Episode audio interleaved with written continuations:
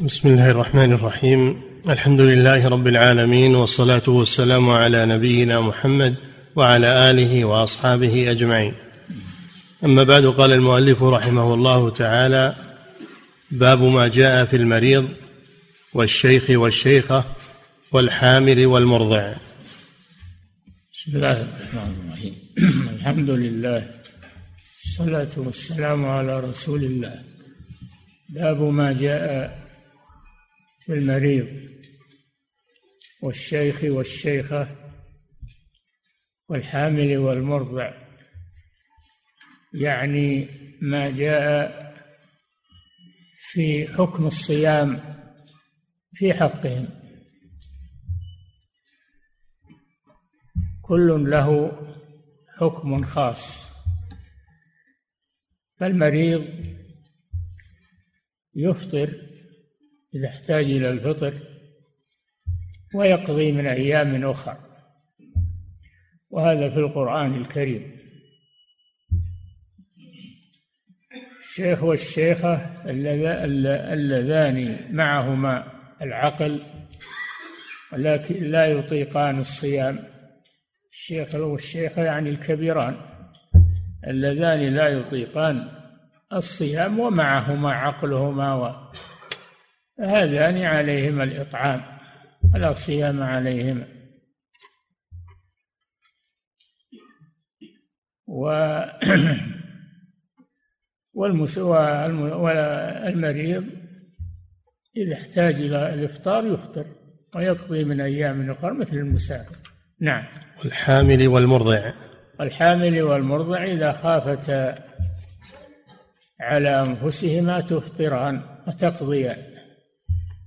وإن خافتا على ولديهما تقضيان وتطعمان أيضا عن كل يوم مسكين. نعم.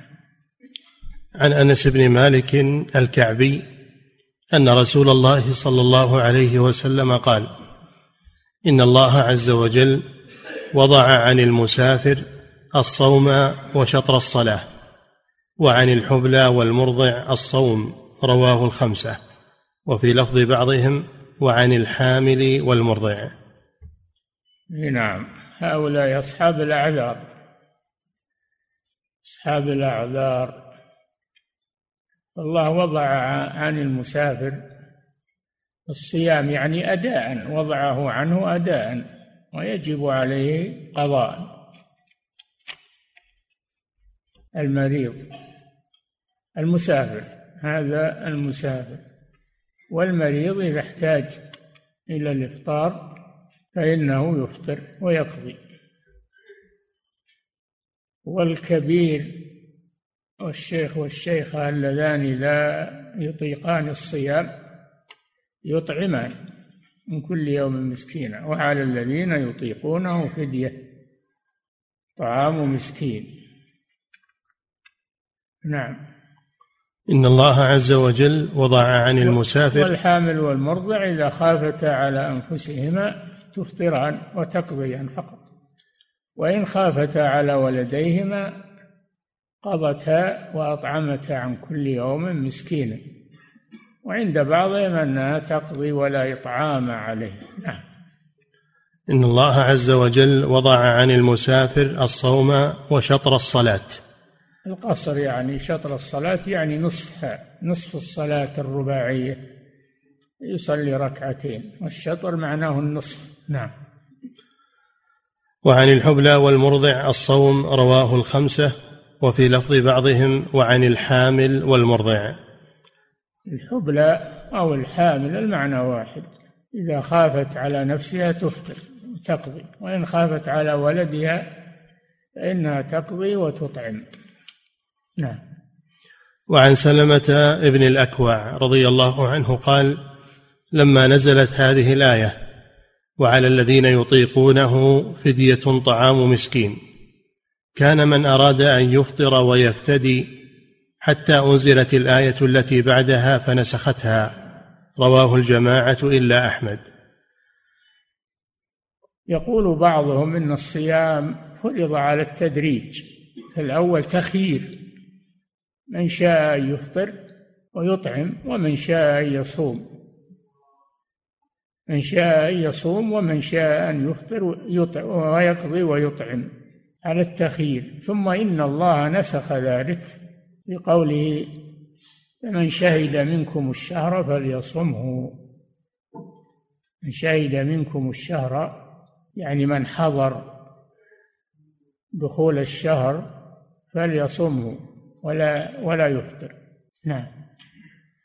وعن عبد الرحمن بن أبي ليلى عن معاذ بن جبل بنحو حديث سلمة وفيه ثم أنزل الله تعالى فمن شهد منكم الشهر فليصمه فأثبت الله صيامه على المقيم الصحيح ورخص فيه للمريض والمسافر وثبت الإطعام للكبير الذي لا يستطيع الصيام. مختصر لأحمد وأبي داود. هذه من أصحاب الأعذار المريض والمسافر. إذا شق عليهما الصيام يفطران ويقضيان. الحامل والمرضع إذا خافتا على أنفسهما تفطران وتقضيان. وإن أفطرتا من أجل الحمل أو الرضاع فإنهما تفطران وتقضيان وتطعمان. يعني تجمع بين القضاء والإطعام. نعم. وعن عطاء وأما الشيخ الكبير والشيخة الكبيرة اللذان معهما عقلهما ولكن لا يستطيعان الصيام فيطعمان فيطعمان. بعضهم يقول إن هذا من باب التدرج إن الله اولا خيرهم بين الصيام أو الإفطار والإطعام ثم إنه نسخ ذلك بإيجاب الصيام حتما من شهد منكم الشهر فليصمه فتكون الآية هذه ناسخة لما قبلها. ابن عباس يقول لا ليست ناسخة هي في حق الشيخ والشيخة. اللذان لا يطيقان الصيام عليهما إطعام ولا صيام عليهما. نعم. وعن عطاء سمع ابن عباس رضي الله عنهما يقرأ وعلى الذين يطيقونه فدية طعام مسكين. قال ابن عباس ليست بمنسوخة. أي نعم. قال ليست بمنسوخة كما يقوله فريق من العلماء أنه خيرهم بين الصيام والإفطار والإطعام عن الصيام ثم إنه حتم الصيام عليهم ونسخ هذا التخيير بقوله فمن شهد منكم الشهر فليصمه هذا قول الجمهور. ابن عباس يقول لا ليست منسوخة. هي في حق الكبير الهرم الذي لا يطيق الصيام هذا يطعم ولا صيام عليه. نعم. وعلى الذين يطيقونه فدية طعام مسكين قال ابن عباس ليست بمنسوخة هي للشيخ الكبير والمرأة الكبيرة لا يستطيعان أن يصوما. فيطعمان مكان كل يوم مسكينا رواه البخاري. نعم. وعن عكرمة؟ إذا فمن دخل عليه شهر رمضان وهو صحيح مقيم يجب عليه الصيام حتما. ومن دخل عليه شهر رمضان وهو مسافر أو مريض فإن طاق الصيام فإنه يصوم وإلا يفطر ويطعم ويقضي يقضي بعد رمضان ومن كان مريضا أو على سفر فعدة من أيام أخر. أما الذي لا يستطيع الصيام لا أداء ولا قضاء وهو الشيخ والشيخة فلا صيام عليهما لا أداء ولا قضاء ولكن يطعمان عن كل يوم مسكينا. هذا التفصيل في هذه المسألة. نعم. وعن عكرمة أن ابن عباس رضي الله عنهما قال أثبتت للحبلى والمرضع رواه أبو داود. الحبلى يعني الحامل والمرضع أنها إذا شق عليها الصيام لحملها أو رضاعها أنها تفطر تقضي وتطعم. نعم. باب عكرمة عكرمة هو عكرمة البربري مولى ابن عباس وتلميذه. نعم. باب قضاء رمضان متتابعا ومتفرقا وتأخيره إلى شعبان. نعم القضاء رمضان موسع إلى أن يد... إلى أن لا يبقى عليه قبل رمضان القادم إلا قدر الأيام التي عليه فإنه يجب عليه أن يصوم أن يصوم ما عليه من رمضان الماضي ثم يصوم الشهر الحاضر. موسع. تقول عائشة رضي الله عنها كان يكون علي القضاء من رمضان فلا أقضيه إلا في شعبان لمكان رسول الله صلى الله عليه وسلم. لأنها تخدم الرسول صلى الله عليه وسلم. نعم. باب قضاء رمضان متتابعا ومتفرقا. والقضاء متتابعا وهذا أحسن. ومتفرقا لأن الله قال فعدة من أيام أخر ولم يقيد التتابع ولكن في قراءة متتابعا. نعم. وتأخيره إلى شعبان عن ابن عمر رضي الله عنهما أن النبي صلى الله عليه وسلم قال قضاء رمضان إن شاء فرق وإن شاء تابع. رواه الدار قطني. نعم إن شاء فرق القضاء وإن شاء تابعه ولم يفرقه نعم. قال البخاري قال ابن عباس لا بأس أن يفرق. لقول الله تعالى فعدة من أيام أخر. وهذا مطلق. لم يقيده بعدة متتابعة. نعم. وعن عائشة رضي الله عنها قالت نزلت فعدة من أيام أخر. نزلت فعدة من أيام أخر متتابعات. فسقطت. هذه قراءة. نعم هذه قراءة روتها عائشة. متتابعات. عدة من أيام أخرى متتابعات. نعم. وعن عائشة رضي الله عنها قالت نزلت فعدة من أيام أخرى متتابعات فسقطت متتابعات.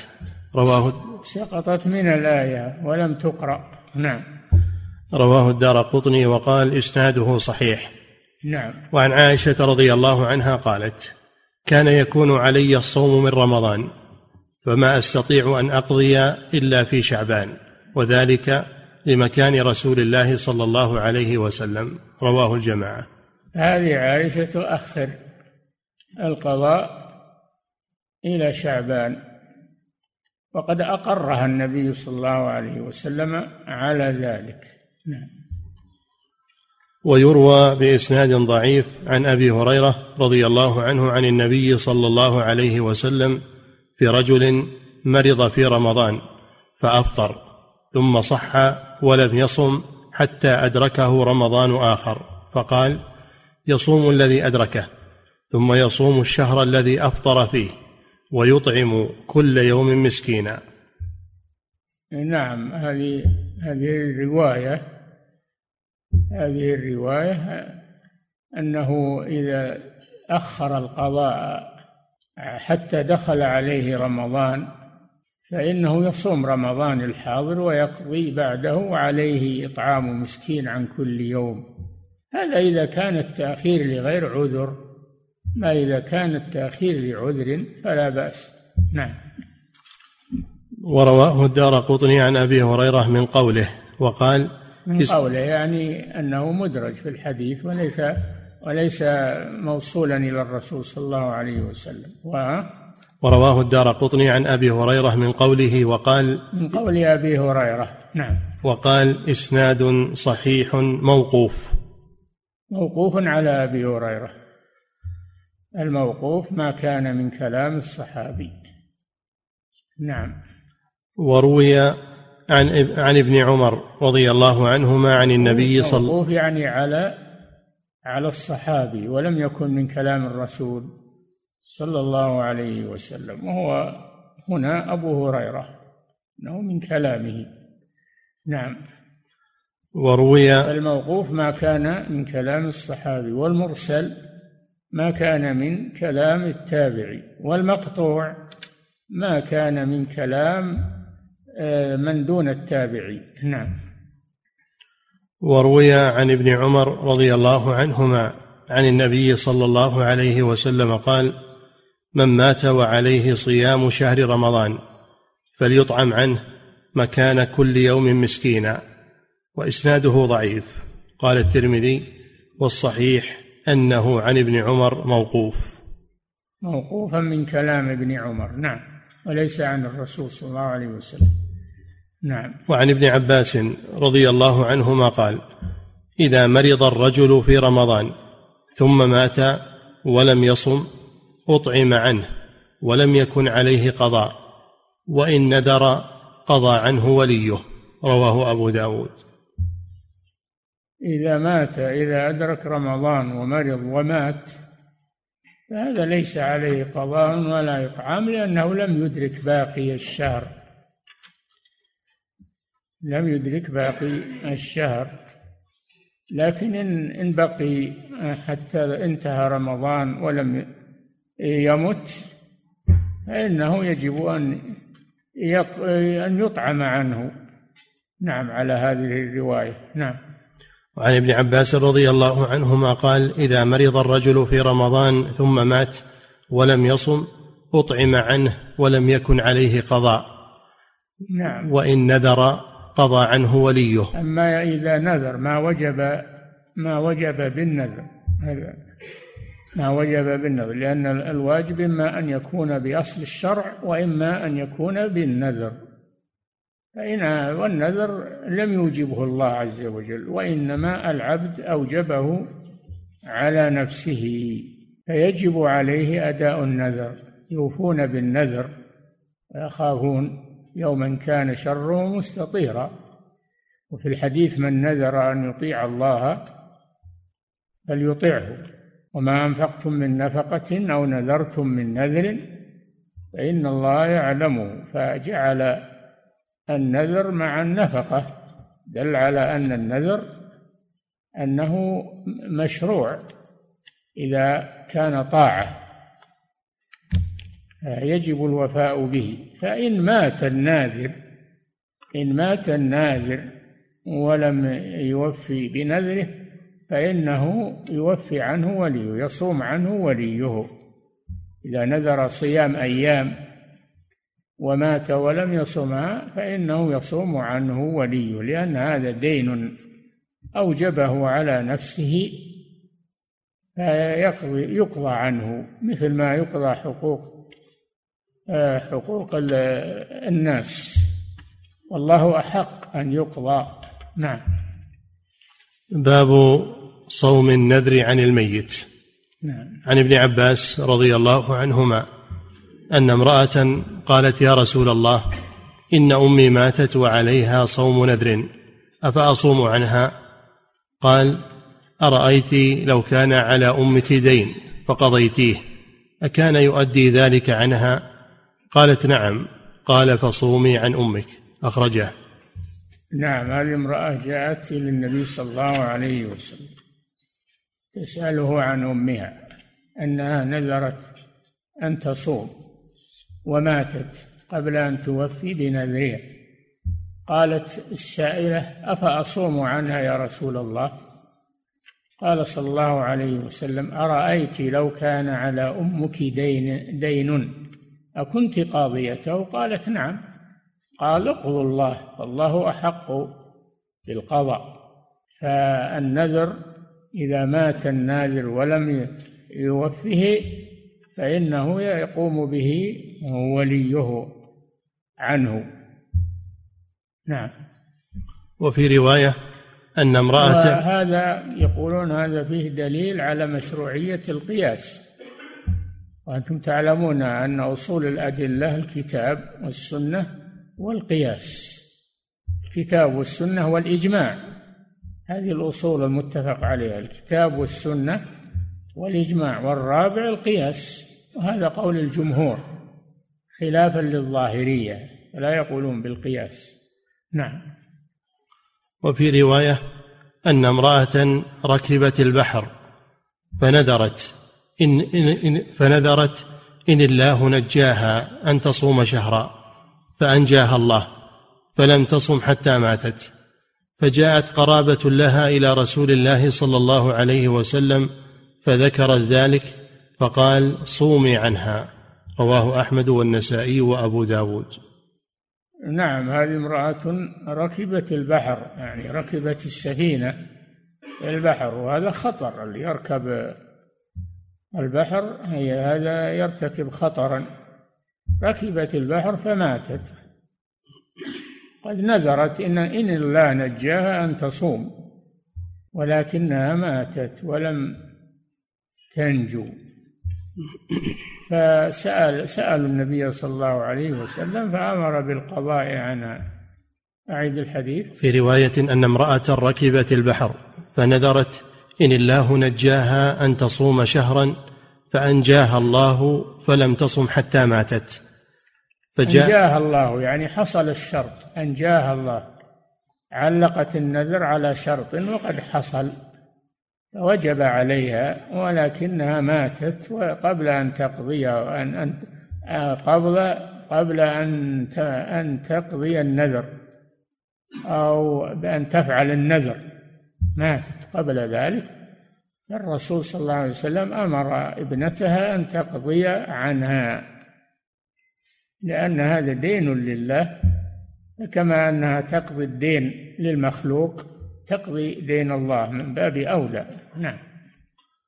فنذرت إن الله نجاها أن تصوم شهرا فأنجاها الله فلم تصم حتى ماتت فجاءت قرابة لها إلى رسول الله صلى الله عليه وسلم فذكرت ذلك فقال صومي عنها. قرابة يعني امرأة قرابة امرأة من قرابتها. نعم. وعن عائشة رضي الله عنها أن رسول الله صلى الله عليه وسلم قال من مات وعليه صيام صام عنه وليه. متفق عليه. من مات وعليه صيام صام عنه وليه. هكذا الرواية مطلقة ولكن جاء في رواية من, من مات وعليه صيام نذر صام عنه وليه. العمل على هذه الرواية. أما من كان من رمضان إذا مات فلا يقضى عنه. نعم إذا مات ولم يتمكن من القضاء فلا يقضى عنه. نعم. وعن بريدة قال بين أنا جالس عند رسول الله صلى الله عليه وسلم إذ أتته امرأة فقالت إني تصدقت على أمي بجارية وإنها ماتت. فقال وجب أجرك وردها عليك وردها عليك الميراث. قالت يا رسول الله إنه كان عليها صوم شهر أفأصوم عنها؟ قال صومي عنها. قالت إنها لم تحج قط أفأحج عنها؟ قال حجي عنها. رواه أحمد ومسلم وأبو داود والترمذي وصححه ولمسلم في رواية صوم شهرين. نعم هذه امرأة جاءت إلى النبي صلى الله عليه وسلم تستفتيه. في أنها أعطت أمها جارية يعني خادمة فماتت أمها. فقال وقع يعني آه، وقع لك لك الأجر على الله في برك بأمك وردها عليك الميراث. دل على أن ما خلفه الميت أنه يكون ميراثا. لقرابته على كتاب الله وسنة رسوله صلى الله عليه وسلم. نعم. قالت يا رسول الله إنه كان عليها صوم شهر أفأصوم عنها؟ قال صومي عنها. نعم إن عليها صوم شهر. صوم شهر أفأصوم عنها؟ قال نعم صومي عنها. هذا من البر. قال تحج عنها إنها لم تحج أفأحج عنها؟ قال حجي عنها. وهذا أيضا من البر. دل على أن الحج عن الميت والعمرة عن الميت والصيام عن الميت إذا نذره ومات ولم يوفه أنه أنه يصام عنه. نعم. أبواب صوم التطوع. انتهى من أبواب الصوم الواجب. نعم. أبواب صوم التطوع باب صوم صوم التطوع كثير. يسن صيام يوم الاثنين والخميس ثلاثة أيام من كل شهر وصوم يوم عاشوراء ويوم قبله أو يوم بعده. وأيضا صيام ما تيسر له من من السنة. إذا أراد المزيد إذا أراد المزيد. وأما صوم الدهر فهو منهي عنه. أنه يصوم كل السنة هذا منهي عنه. أنه يصوم كل السنة. وما من نذر أن يصوم الدهر فإن نذره لا لا يصح لأنه يشق على نفسه. قال صلى الله عليه وسلم خير الصيام صيام داود. كان يصوم يوما ويفطر يوما. هذا خير الصيام. نعم. أبواب صوم التطوع. باب صوم ست من شوال. سم صيام الاثنين والخميس ست من شوال بعد رمضان وصيام يوم عرفة وصيام يوم عاشوراء نعم.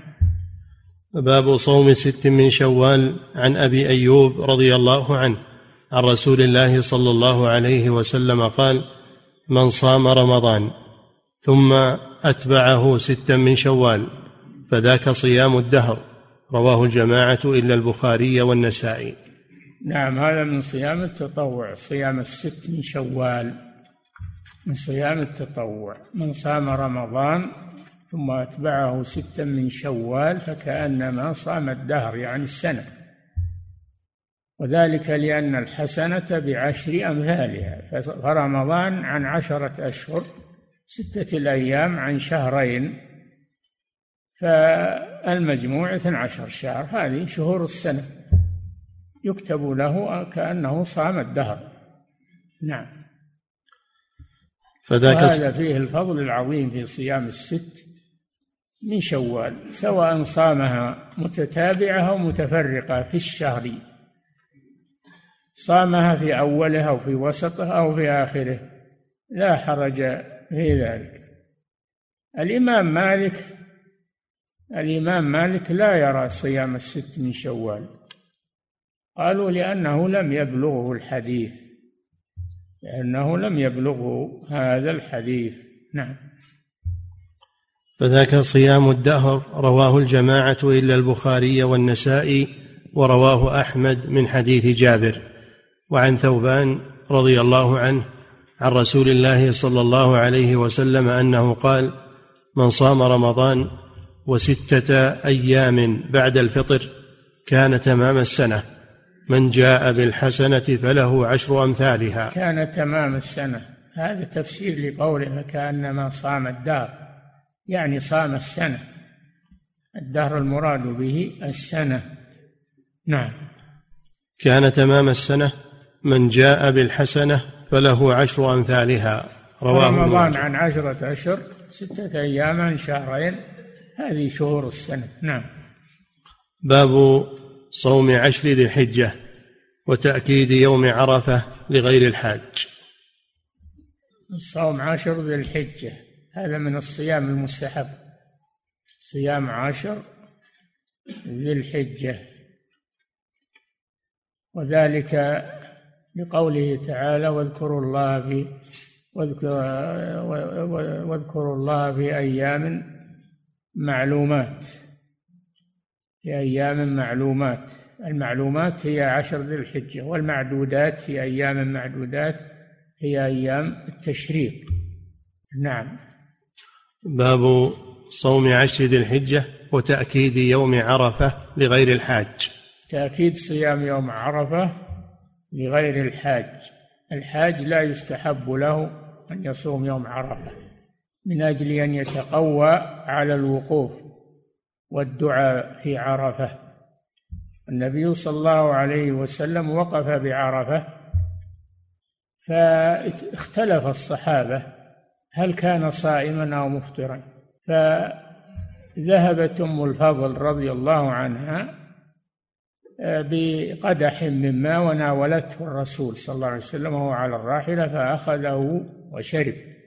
فعلم الصحابة أنه كان مفطرا ولم يكن صائما. نعم. عن حفصة رضي الله عنها قالت أربع لم يكن يدعهن رسول الله صلى الله عليه وسلم. صيام صيام عاشوراء والعشر. وثلاثة أيام من كل شهر والركعتين قبل الغداة. رواه أحمد والنسائي.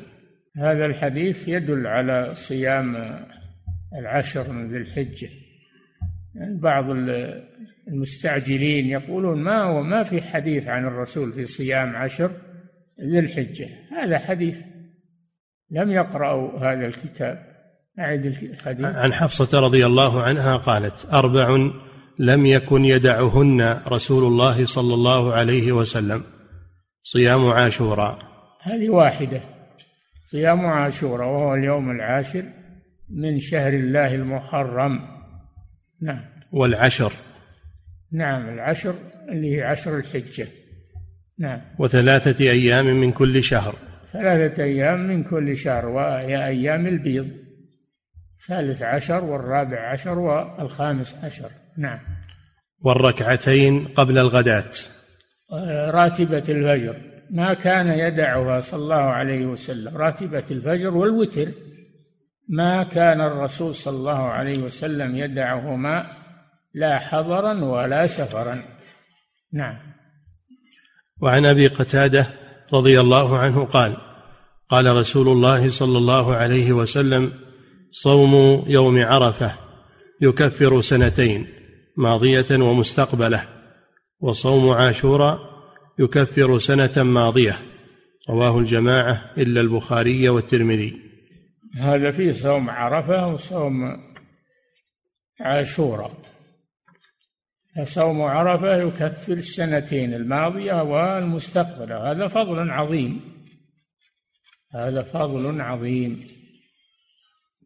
وصوم يوم عاشوراء هذا ثبت في الحديث أنه صلى الله عليه وسلم كان يصوم يوم عاشوراء. نعم. وصوم عاشوراء يكفر سنة ماضية رواه الجماعة إلا البخاري والترمذي. وعن أبي هريرة رضي الله عنه قال نهى رسول الله صلى الله عليه وسلم عن صوم يوم عرفة بعرفات رواه أحمد وابن ماجه. نهى عن صوم عرفة بعرفات يعني لمن كان واقفا بعرفة فيكره له الصيام بل يكون مفطرا ليتقوى على الوقوف والدفع من عرفة وغير ذلك. لا يجتمع عليه مشقتان مشقة الصيام ومشقة الوقوف بعرفة. وقد وقف صلى الله عليه وسلم مفطرا كما سمعتم. نعم. وعن أم الفضل رضي الله عنها. أم الفضل آه، هي أم عبد الله بن عباس زوج زوج العباس بن عبد المطلب. نعم. وعن أم الفضل رضي الله عنها أنهم شكوا في صوم النبي صلى الله عليه وسلم يوم عرفة فأرسلت إليه بلبن فشرب فأرسلت إليه بلبن فشرب وهو يخطب الناس بعرفة متفق عليه. هذا الحديث الدال على أن أنه صلى الله عليه وسلم لم يصم يوم عرفة. فدل على أن الحديث الوارد في صوم يوم عرفة لغير الحاج. أما الحاج فإنه يفطر لأن النبي صلى الله عليه وسلم وقف مفطرا وشرب والناس يرونه. ليبين أنه مفطر وليس بصائم. نعم. وأم الفضل هي أم الفضل بن العباس. أكبر أولاد العباس الفضل وبعده عبد الله بن عباس حبر الأمة. نعم. وعن عقبة بن عامر رضي الله عنه قال قال رسول الله صلى الله عليه وسلم يوم عرفة ويوم النحر وأيام التشريق. عيدنا أهل عيدنا أهل الإسلام. وهي يوم يوم عرفة ويوم النحر وأيام التشريق. عيدنا أهل الإسلام. وهي أيام أكل وشرب. نعم عرفة يسن صيامه لغير الحاج. أما الحاج فإنه يكون مفطرا. عرفنا هذا. نعم. و ويوم النحر ويوم النحر ويوم النحر. هذه عيدنا أهل الإسلام يحرم صوم يوم العيد عيد الفطر وعيد الأضحى. يحرم الصيام فيهما. هذه الأيام التي يحرم الصيام فيها. أولا العيد العيدين. نعم. وأيام التشريق. وكذلك النوع الثاني أيام التشريق. يحرم الصيام فيهما. لأنها أيام أكل وشرب وذكر لله عز وجل إلا من لم يستطع الفدية. فإنه يصوم ثلاثة أيام في الحج سبعة إذا رجع إلى أهله فيصومها ولو في أيام التشريق. نعم. يوم عرفة ويوم عائشة رضي الله عنها لم يرخص في أيام التشريق أن يصمن إلا عن دم متعة أو قران. نعم. يوم عرفة ويوم النحر وأيام التشريق عيدنا أهل الإسلام وهي أيام أكل وشرب. رواه الخمسة إلا ابن ماجه وصححه الترمذي. نعم. باب صوم المحرم وتأكيد عاشوراء. يتأكد صيام شهر الله المحرم كاملا وإلا على الأقل يصوم منه يوم عاشوراء يوم قبله أو يوم بعده. نعم. باب صوم المحرم. صلى الله عليه وسلم أفضل الصيام أفضل الصيام بعد رمضان شهر الله المحرم. نعم.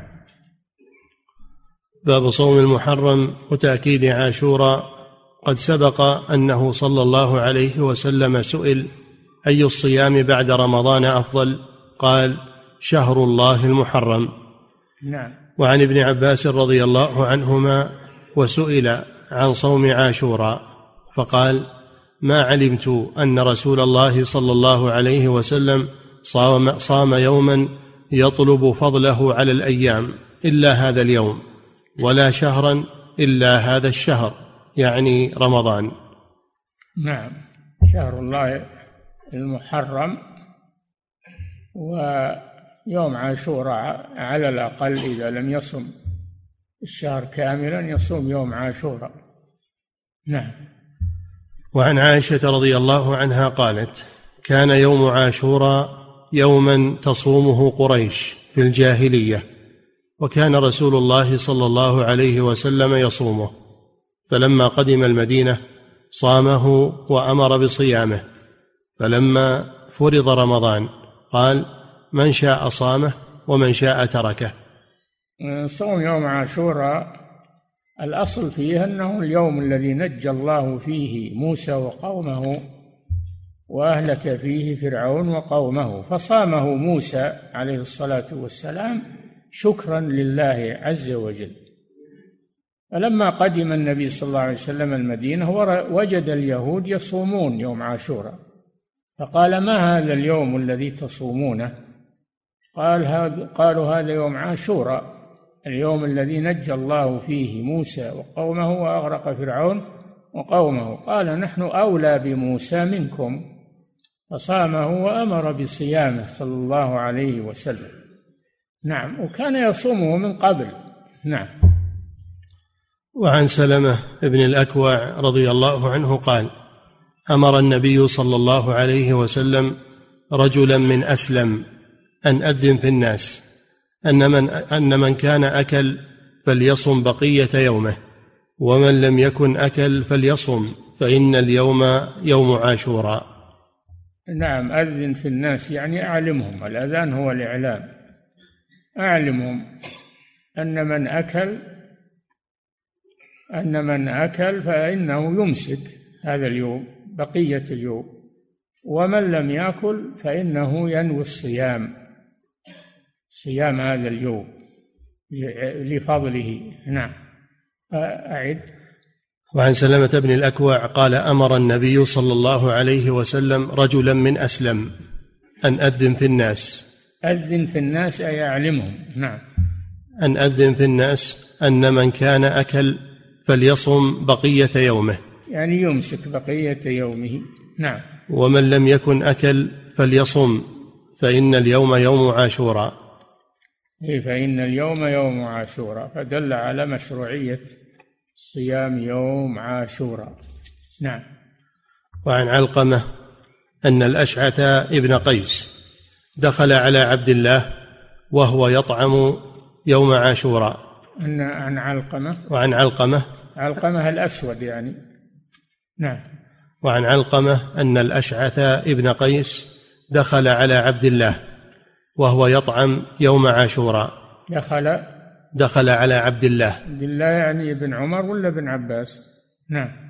وهو يطعم يوم عاشوراء. فقال يا أبا عبد الرحمن إن اليوم يوم عاشوراء.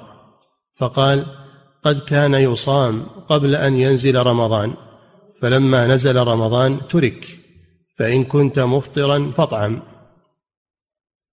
شوف لنا هذا شوف لنا من هو هذا الصحابي؟ هل هو عبد الله بن عباس أو بن عمر؟ نعم. نعم. بن مسعود. عن عبد الله بن مسعود يعني. إي نعم العبادلة يعني هم عبد الله بن عباس وعبد الله بن مسعود وعبد الله بن عمر وعبد الله بن الزبير. هؤلاء هم العبادلة رضي الله عنهم. نعم. وعن علقمة أن الأشعث ابن قيس دخل على عبد الله وهو يطعم يوم عاشوراء فقال يا أبا عبد الرحمن إن اليوم يوم عاشوراء فقال قد كان يصام قبل أن ينزل رمضان فلما نزل رمضان ترك فإن كنت مفطرا فاطعم. وعن ابن نعم. كان يصام فرضا قبل رمضان كان يصام فرضا. قبل رمضان. فلما فرض الله رمضان من شاء صام عاشوراء ومن شاء افطر فليس بفرض. نعم. وعن ابن عمر رضي الله عنهما أن أهل الجاهلية كانوا يصومون يوم عاشوراء. موروث موروث صوم يوم عاشوراء من عم موسى عليه السلام. نعم. وعن ابن عمر أن أهل الجاهلية كانوا يصومون يوم عاشوراء وأن رسول الله صلى الله عليه وسلم صامه والمسلمون قبل أن يفرط رمضان. فلما فرض رمضان قال رسول الله صلى الله عليه وسلم إن عاشوراء يوم من أيام الله فمن شاء صامه. وكان ابن عمر لا يصومه إلا أن يوافق صيامه. نعم. وعن أبي موسى رضي الله عنه قال كان يوم عاشوراء يعني فليس بفرض. كان ابن عمر لا يصومه إلا أن وافق صيامه الذي يصومه من السنة. دل على أنه ليس بفرض وإنما هو سنة. كان في الأول فرض ثم لما فرض رمضان نسخت الفرضية في عاشوراء وبقي الاستحباب والسنة. نعم. وعن أبي موسى رضي الله عنه قال كان يوم عاشوراء تعظمه اليهود وتتخذه عيدا. فقال رسول الله صلى الله عليه وسلم صوموه أنتم. نعم للمسلمين صوموه أنتم. نعم. وعن ابن عباس رضي الله عنهما قال قدم النبي صلى الله عليه وسلم فرأى اليهود تصوم يوم عاشوراء فقال ما هذا؟ قالوا يوم صالح نجى الله فيه موسى وبني إسرائيل من عدوهم. فصامه موسى فقال أنا أحق بموسى منكم. فصامه وأمر بصيامه. نعم. وعن معاوية شكرا لله عز وجل لأن نجاة بني إسرائيل من المسلمين يفرح بها المسلمون في كل وقت. نعم. وعن معاوية ابن أبي سفيان رضي الله عنه رضي الله عنهما قال سمعت رسول الله وعن معاوية بن أبي سفيان رضي الله عنهما قال كذا مكتوبة عندك؟ ماذا؟ ها؟ معاوية بن أبي سفيان؟ اي نعم. رضي الله عنهما. لا ما كتبت. ها؟ الترضي ما كتب. إيه رضي الله عن عنه عن, عن معاوية. وأما أبو سفيان فهو صحابي أيضا. فيقال رضي الله عنه. نعم. وعن معاوية بن أبي سفيان قال سمعت رسول الله صلى الله عليه وسلم يقول إن هذا يوم عاشوراء ولم يكتب عليكم صيامه وأنا صائم فمن شاء صام ومن شاء فليفطر. متفق على هذه الأحاديث كلها. أي نعم كلها تدل على أن صيام يوم عاشوراء ليس بفرض وإنما هو سنة. فمن شاء صامه ومن شاء لم يصم. نعم. وأكثرها يدل على أن صومه على وأكثرها يدل على متفق على هذه الأحاديث كلها. نعم. وأكثرها يدل على أن صومه وجب ثم نسخ. وجب قبل أن يفرض رمضان. ثم نسخ بفرضية رمضان. نعم. وبقي الاستحباب. نعم. نسخت الفرضية. نعم. متفق على هذه الأحاديث كلها وأكثرها يدل على أن صومه وجب ثم نسخ هذا ويقال كلام المصنف المجد بن تيمية. نعم. وأكثرها يدل على أن صومه وجب ثم نسخ ويقال لم يجب بحال بدليل خبر معاوية. وإنما نسخ تأكيد استحبابه. نعم. وعن ابن عباس رضي الله عنهما قال لما صام رسول الله صلى الله عليه وسلم يوم عاشوراء وأمر بصيامه قالوا يا رسول الله إنه يوم تعظمه اليهود والنصارى. فقال فإذا كان العام المقبل إن شاء الله صمنا التاسع. قال فلم يات العام المقبل حتى توفي رسول الله صلى الله عليه وسلم. نعم ولكنه قال صوموا يوما قبله أو يوما بعده. وفي رواية صوموا يوما قبله ويوما بعده. فصيام عاشوراء على ثلاثة أنواع. النوع الأول أن يصام وحده. النوع الثاني أن يصام يوم قبله. النوع الثالث أن يصام ثلاثة أيام يوم قبله ويوم بعده. نعم. قال يكفي قال؟ نعم. وفي لفظ قال رسول الله صلى الله عليه وسلم لئن بقيت إلى قابل لأصومن التاسع يعني يوم عاشوراء. مخالفة لليهود. مخالفة لليهود. قال خالفوهم صوموا يوما قبله أو يوما بعده. نعم. وفي رواية قال رسول الله صلى الله عليه وسلم صوموا يوم عاشوراء وخالفوا اليهود صوموا قبله يوما. وخالفوا اليهود شوف. نعم. صوموا يوم عاشوراء وخالفوا اليهود صوموا قبله يوما وبعده يوما. رواه أحمد. بالواو. هذا يصام الثلاثة على هذه الرواية. أما صوموا يوما قبله أو يوما بعده فيوما يوم قبله أو يوم بعده. نعم. باب ما جاء في صوم شعبان. يكفي.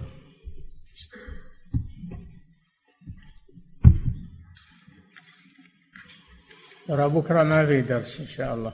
نعم. اليوم اللي بعده في درس. نعم.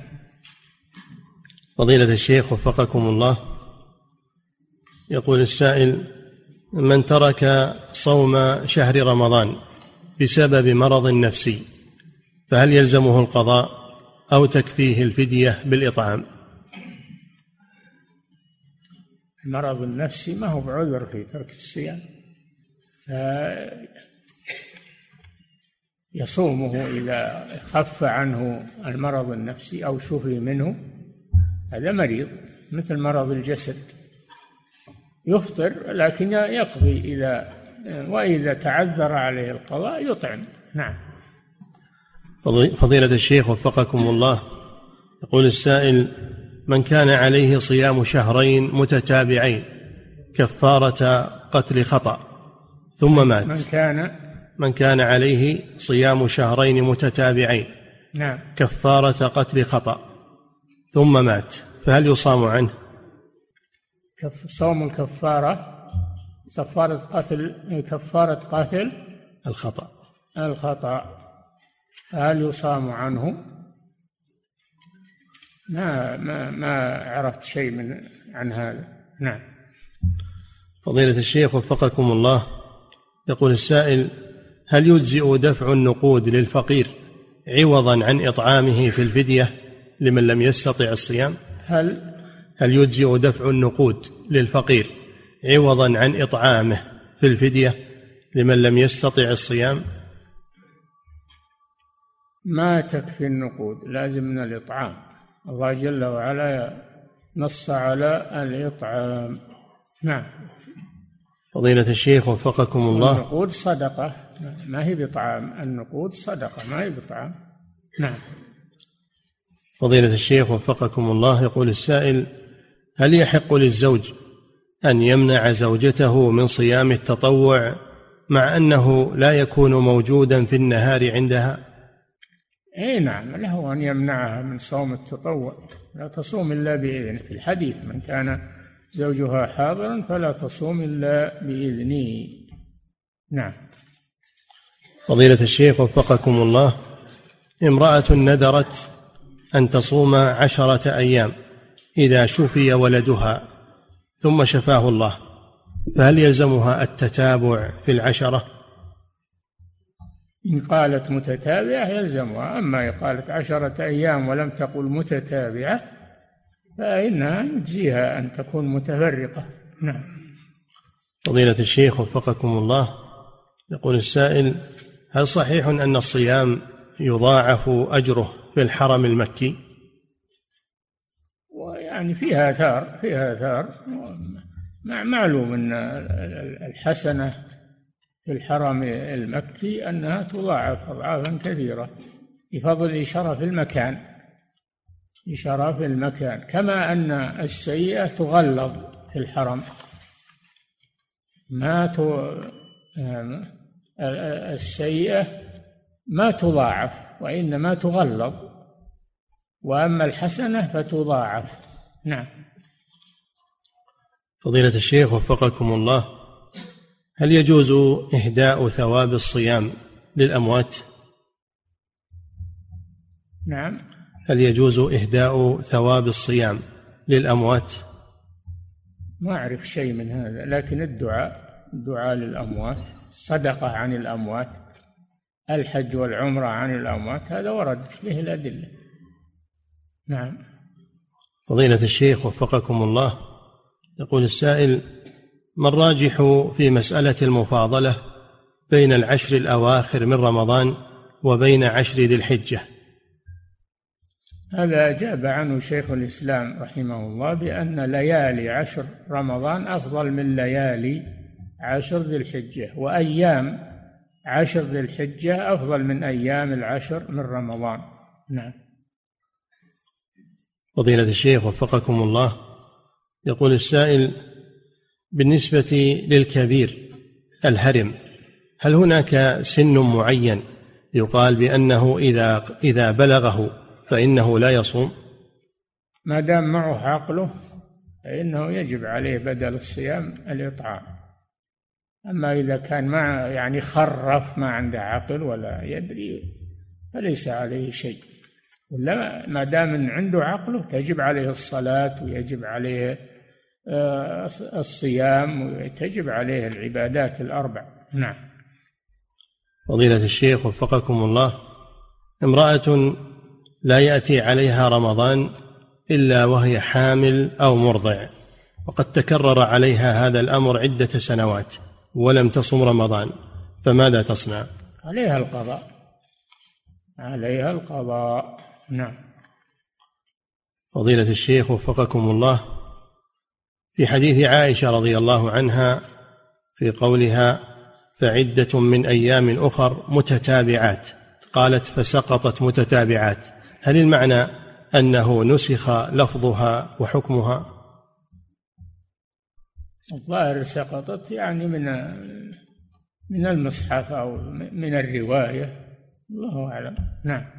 فضيلة الشيخ وفقكم الله. لأنه لما كتب المصحف ما كتبت هذه الرواية. نعم. فضيلة الشيخ وفقكم الله. يقول السائل ما هو الأفضل؟ أن يصوم القضاء أولا ثم يصوم الست من شوال أم بالعكس؟ القضاء موسع والست من شوال تفوت فيصوم الست من شوال. ولكن الشيخ ابن باز رحمه الله يقول لابد انه إنه يصوم القضاء قبل لأن النبي صلى الله عليه وسلم يقول من صام رمضان أتبعه ستا من شوال والذي عليه قضاء ما صام رمضان. نعم. فضيلة الشيخ وفقكم الله من مات ولم يؤدي فريضة الحج مع قدرته على ذلك. من مات ولم يؤدي فريضة الحج مع قدرته واستطاعته لذلك فهل يجب على أحد أقاربه أن يحج عنه؟ نعم بلا شك يجب على أقاربه أن يحجوا عنه حجة الإسلام. نعم. وفضيلة الشيخ وفقكم الله يقول السائل من نذر نذر معصية. أو يخرج من تركته ويعطى من يحج عنه. نعم يخرج من تركته ويعطى من يحج عنه. نعم. فضيلة الشيخ وفقكم الله يقول السائل من نذر نذر معصية فهل عليه كفارة؟ لا. فيه رواية وكفارته كفارة يمين من نذر أن يعصي الله فلا يعصه وعليه كفارة يمين. الله أعلم. نعم روي, روي هذا.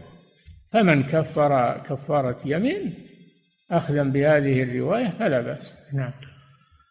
فضيلة الشيخ وفقكم الله ورد في الحديث عنه صلى الله عليه وسلم من مات وعليه صيام عليه صيام صام عنه وليه. يقول هل يجوز أن يصوم عنه غير الولي من الأجانب؟ اي نعم. يصوم عنه المسلم. إذا صام عنه مسلم من المسلمين أجزأ ذلك عنه ونفعه بإذن الله. نعم. فضيلة الشيخ وفقكم الله يقول يروى عن الإمام أحمد رحمه الله أنه قال من ادعى الإجماع فقد كذب يقول ما معنى هذا القول؟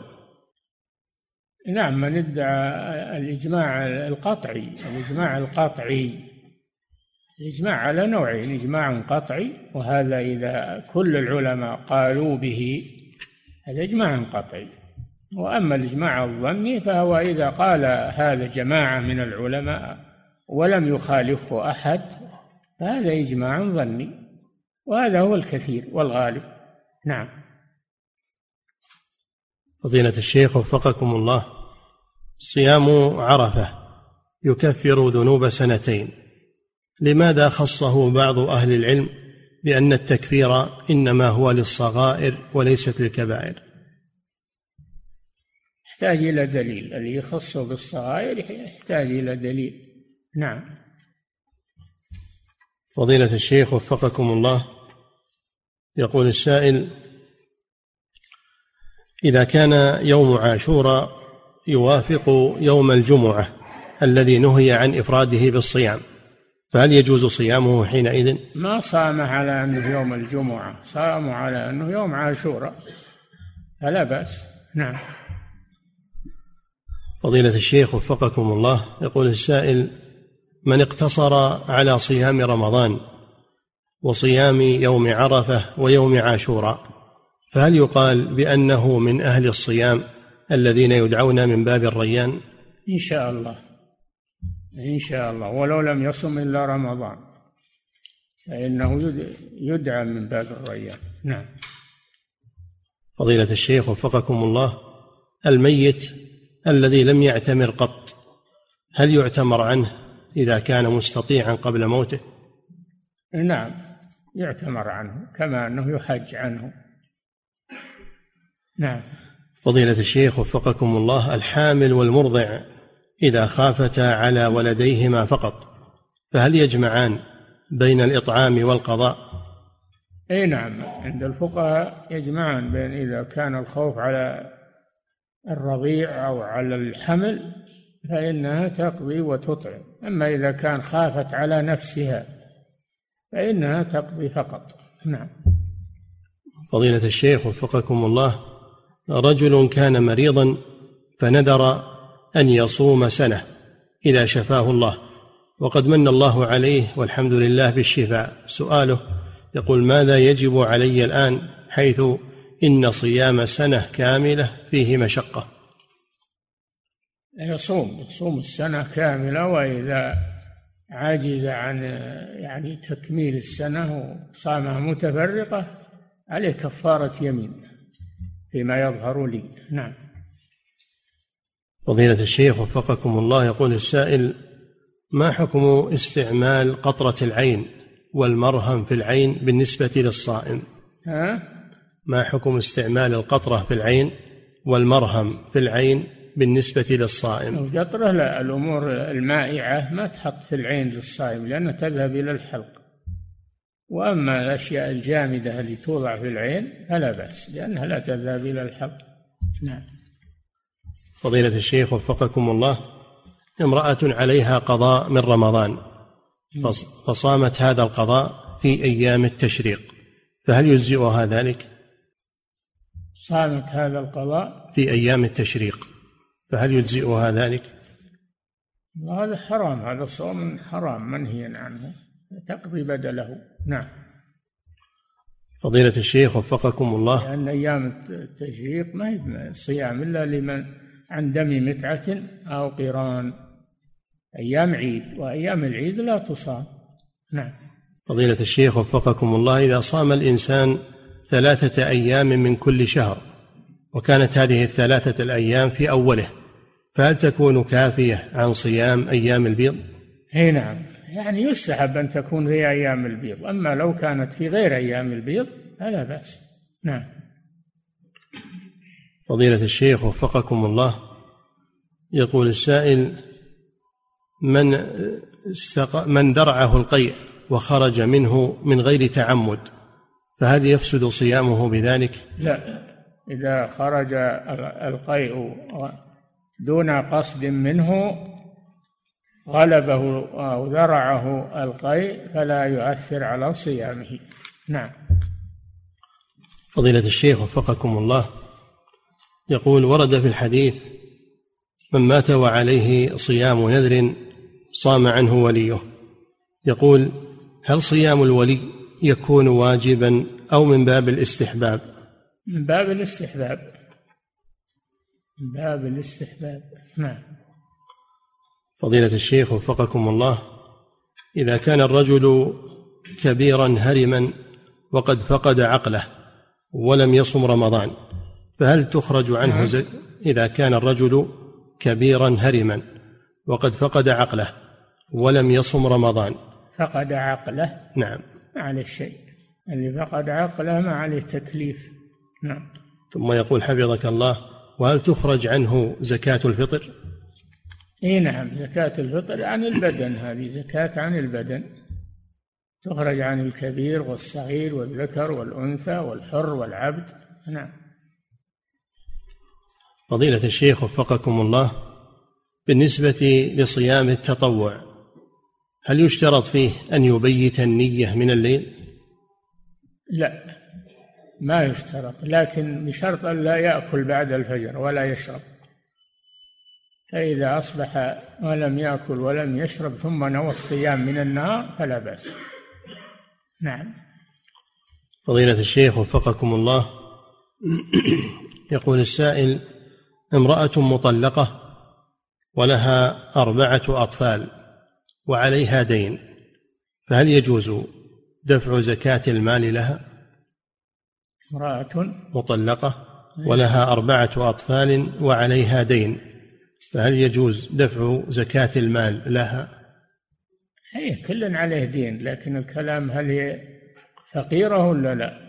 إن كانت فقيرة تعطى أما مجرد عليها دين الشركات عليها ديون كل عليه دين نعم. فضيلة الشيخ وفقكم الله يقول السائل هل يجوز تقديم إخراج الزكاة قبل الحول بتسعة أشهر؟ هل يجوز إيه؟ تقديم إخراج الزكاة قبل الحول بتسعة أشهر. يجوز تعجيل الزكاة لسنتين. لأن النبي صلى الله عليه وسلم استعجل من عمه العباس زكاة سنتين. يجوز تعجيل الزكاة لحولين. نعم. فضيلة الشيخ وفقكم الله هل يجوز أن يقوم رجل بتعليم مجموعة من النساء تعليمهن العقيدة علما بأنه لا يوجد امرأة تعلمهن ذلك؟ إذا لم يكن هناك امرأة تعلمهن فيعلمهن من وراء حجاب. نعم. فضيلة الشيخ وفقكم الله هذا سائل يقول أنا عامل في مدرسة وأسكن مع أربعين شخصا في مكان وعندنا حمامان فقط. يقول أحيانا أستيقظ وأنا جنب فلا أتمكن من الاغتسال بسبب قلة دورات المياه. وأخرج للعمل قبيل صلاة الفجر. يقول كيف أصلي صلاة الفجر حينئذ؟ إيش يقول حفظك الله. يقول أنا عامل في مدرسة وأسكن مع أربعين شخصا في مكان وعندنا حمامان فقط في هذا المكان. يقول أحيانا أستيقظ وأنا جنب ولا أتمكن من الاغتسال بسبب قلة دورات المياه. وأخرج للعمل قبيل صلاة الفجر. يقول كيف أصلي صلاة الفجر حينئذ؟ يا أخي في دورات مياه خارج سكنكم. في دورات في المياه في البلد تمر على واحدة منها وتغتسل وتصلي. نعم. فضيلة الشيخ وفقكم الله رجل وزوجته أخذ العهد على بعضهما بألا يتزوج أحدهما إذا مات الآخر. نعوذ بالله. وقد مات الزوج وهذه المرأة. يتزوج ولا عليه إنسان. لا يجوز أخذ العهد أنه ما يتزوج. يمنع مما أباح الله له. لا ما يجوز هذا. ثم بعد موت زوجته حجر عليه بعد موتها إنه ما يتزوج. لا يجوز هذا. وهو يحجر عليها انها ما تزوج بعده. هذا حرام ما يجوز. تتزوج. نعم. فضيلة الشيخ وفقكم الله. يقول الرسول صلى الله عليه وسلم هو اللي زوجاته من لم يتزوجن بعده لأنهن زوجاته في الجنة لأنهن زوجاته في الجنة رضي الله عنهن. أما غيرهن فلا بأس أن تتزوج بل يستحب أن تتزوج الأيم. نعم. فضيلة الشيخ وفقكم الله. يقول هل صحيح أن رفع المأموم صوته في صلاة الجماعة أنه من البدع بأن يرفع كالإمام بالنسبة للتكبير وغيره؟ إيش يقول؟ هل صحيح أن رفع المأموم صوته يقول في صلاة الجماعة أنه من البدع فيرفع صوته بالتكبير مع الإمام فيقول الله أكبر كالإمام؟ لا ما يرفع صوته لأنه يشوش. على من بجانبه فيسمع نفسه فقط يسمع التكبير نفسه فقط. نعم.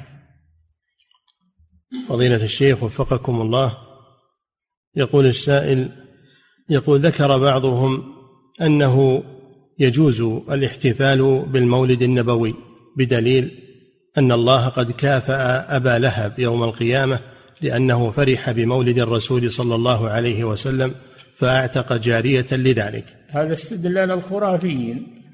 استدلال باطل. دليلهم أبو جهل. ما يجوز صوم ما يجوز إقامة المولد. هذا بدعة.